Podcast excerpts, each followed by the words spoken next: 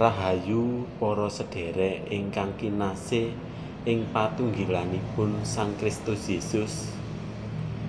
Dinten menika Rebo gangsal Agustus kalih kalih dasa boten keraos sampun ngancik ing wulan Agustus sampun sekawan wulan anggen kita tansah tetunggilan ing pandonga ing salebeting swasana pandemi menika.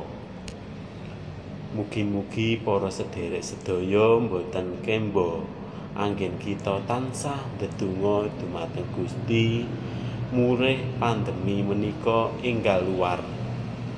Pramila sumangga sesarengan kula Sriyana kita nyengker wekdal sawetawis lan nyawiji salebeting pandonga kita wiwiti kanthi parepening kidung pasamuan Jawi 56 pados setunggal dumugi tiga.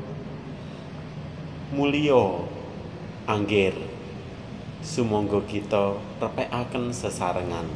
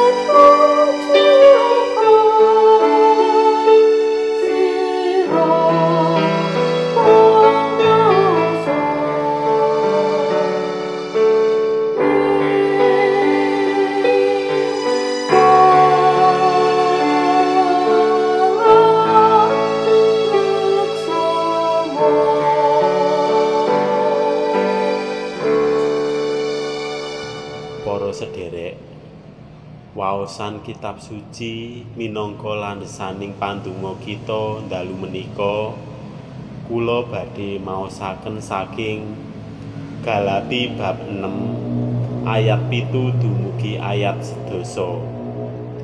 Galati bab 6 ayat pitu dumugi ayat sedasa. Aja padha kesasar. Gusti Allah ora kena digawe geguyon.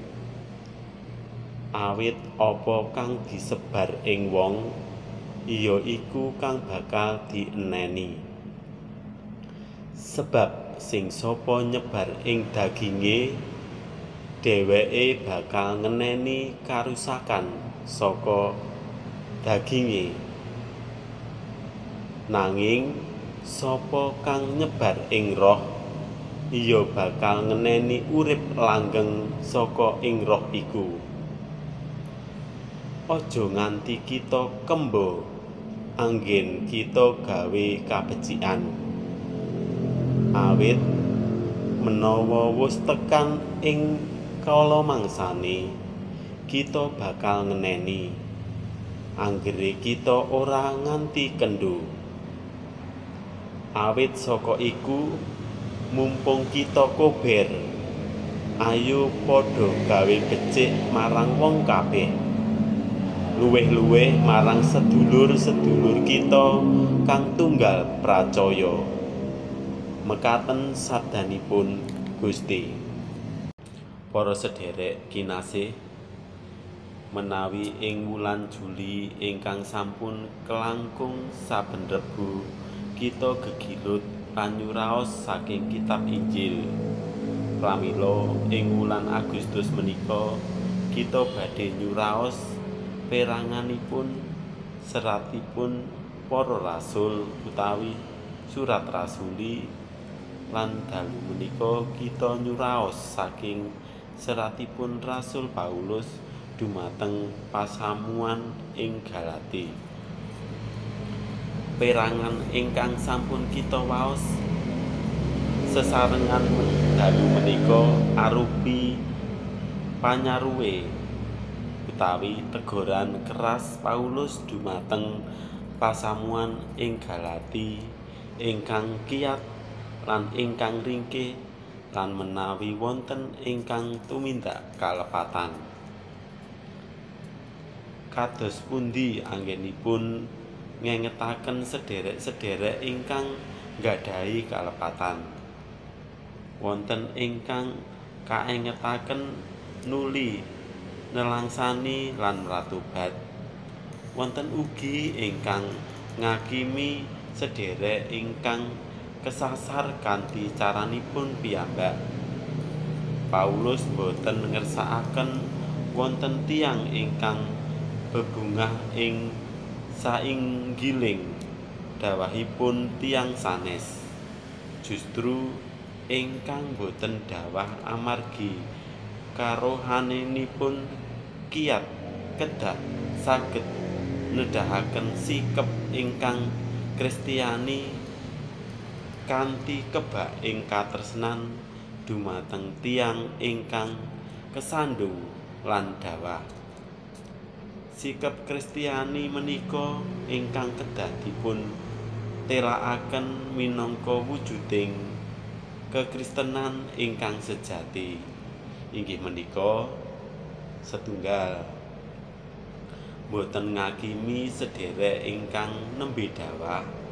Kosok wangsulipun kaapura lan kaangkat. Kalih mawas diri bilih kita ugi ringkih lan saged dawah.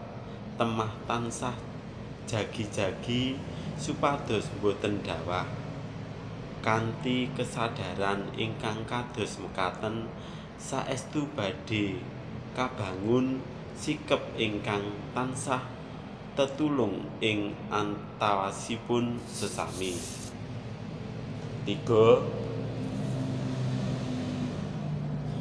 Boten naker pamawasipun mawi ukuranipun manungsa nanging mawi standar sabdanipun Gusti.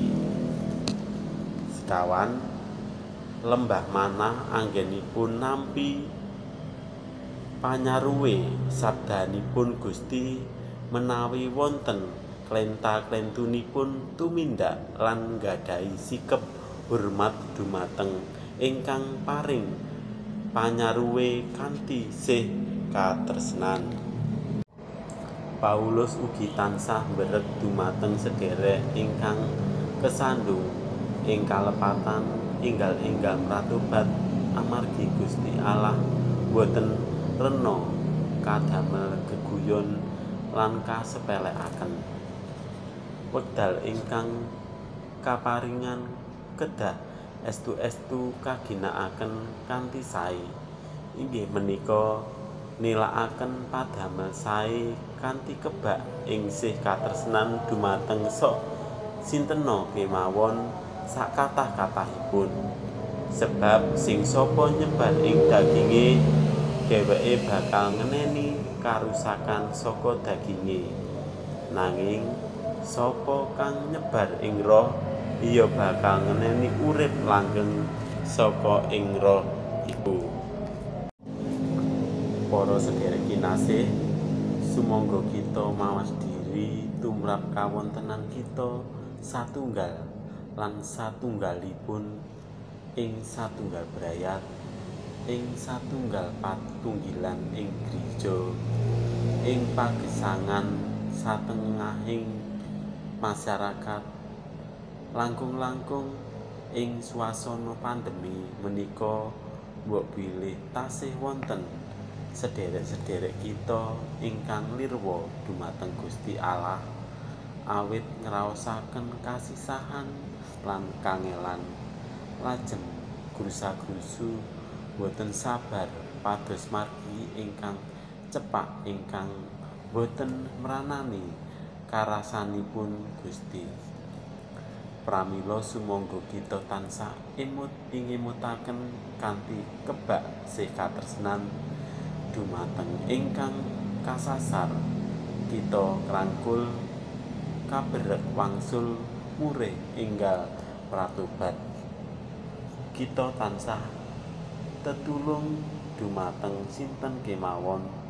Sak kata-katahipun babar katresnan sak wiyar-wiyaripun mumpung tasih kaparingan wekdal sumangga kita nyebar kabecikan dumateng sok sintena kemawon. Ing pundi-pundi padunungan kita ing sadengah wekdal lan kawontenan temah kathah tiang ingkang sami mratobat sih katresnanipun Gusti kababar.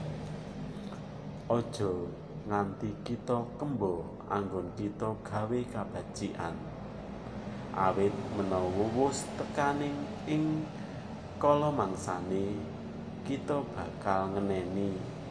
Anggere kita ora nganti kendho amin. Selajengipun sumangga lumebet ing pandonga syafaat ingkang kawiwitan kanthi donga Rama kawula kanthi parepening kidung pasamuan Jawi 150 kalih inggih menika Rama kawula kang wonten swarga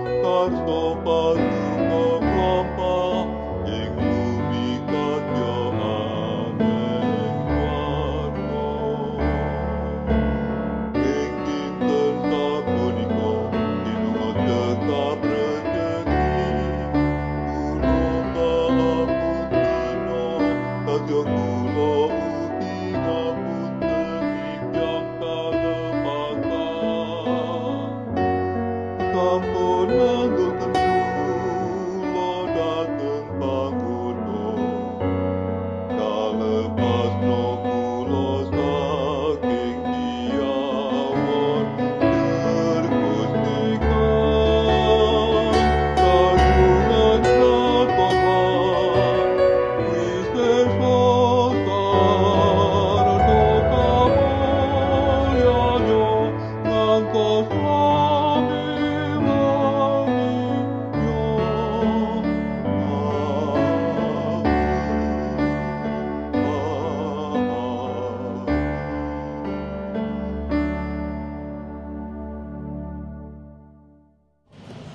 Monggo dedonga syafaat. Duh Yehuwah Allah. Puji kunjuk syukur katur dumateng paduka Duh Allah. Saestu sabda paduka lumantar seratipun Rasul Paulus dumateng pasamuan ing Galati. Ugi ngatak manah kawula anggen kawula gesang tetunggilan ing satengahing brayat ing patunggilaning pasamuan GKJ Jakarta saha gesang ing satengahing masyarakat. Kasagedna kawula tansah emut ingimutaken kanthi kebak ing katresnan menawi ing antawisipun kawula nemahi kalepatan lan dawah satemah enggal-enggal tangi malih nuli mratobat ing margi paduka. Saha kasagedna kawula tansah nyebar padamel kabecikan remen tetulung dumateng sesami mringguan ing satengahing swasana pandemi menika. Wekdal ingkang kaparingaken kaginakaken kanthi sae kangge babar sekatresnan paduka dumateng sesami temah kathah tiyang ingkang sami mratobat lajeng nuhuraken asma paduka. Wonten sih kadhareman paduka kawula nyuwun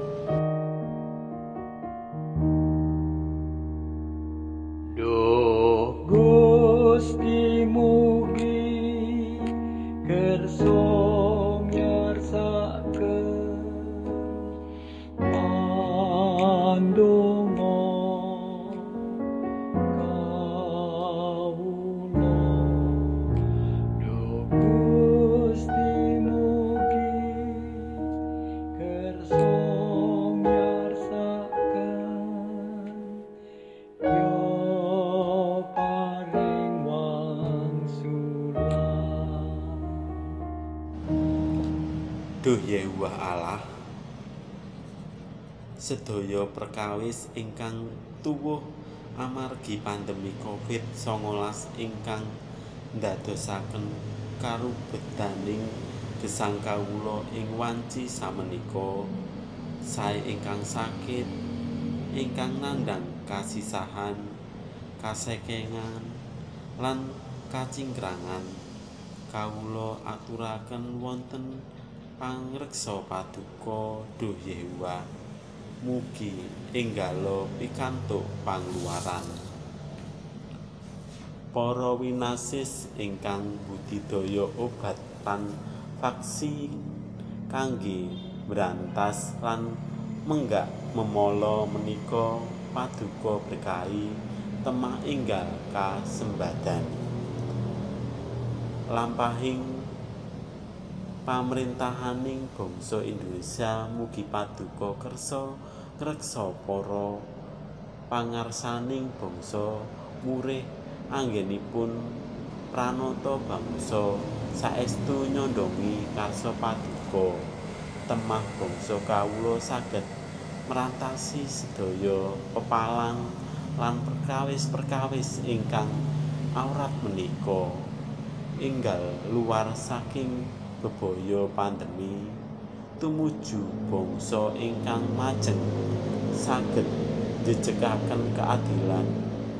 Wantun netepaken ingkang lepat lan belani ingkang leres sanadyan tiang alit. Sedaya atur pasambat kawula menika murih sampurnanipun kawula suwun wonten asmanipun Sang Kristus Yesus juru wilujeng kawula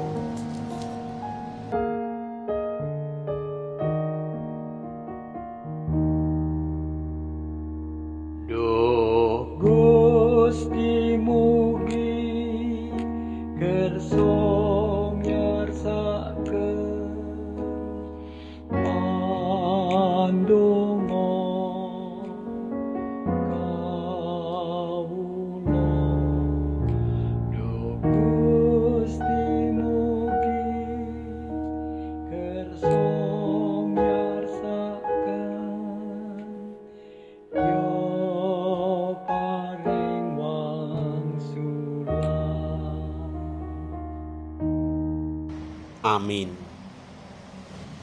Mekaten purwaning pandonga kita ing wanci dalu samenika. Ing wasana sugeng dalu sugeng ngaso Gusti njagi kita tansah. Matur nuwun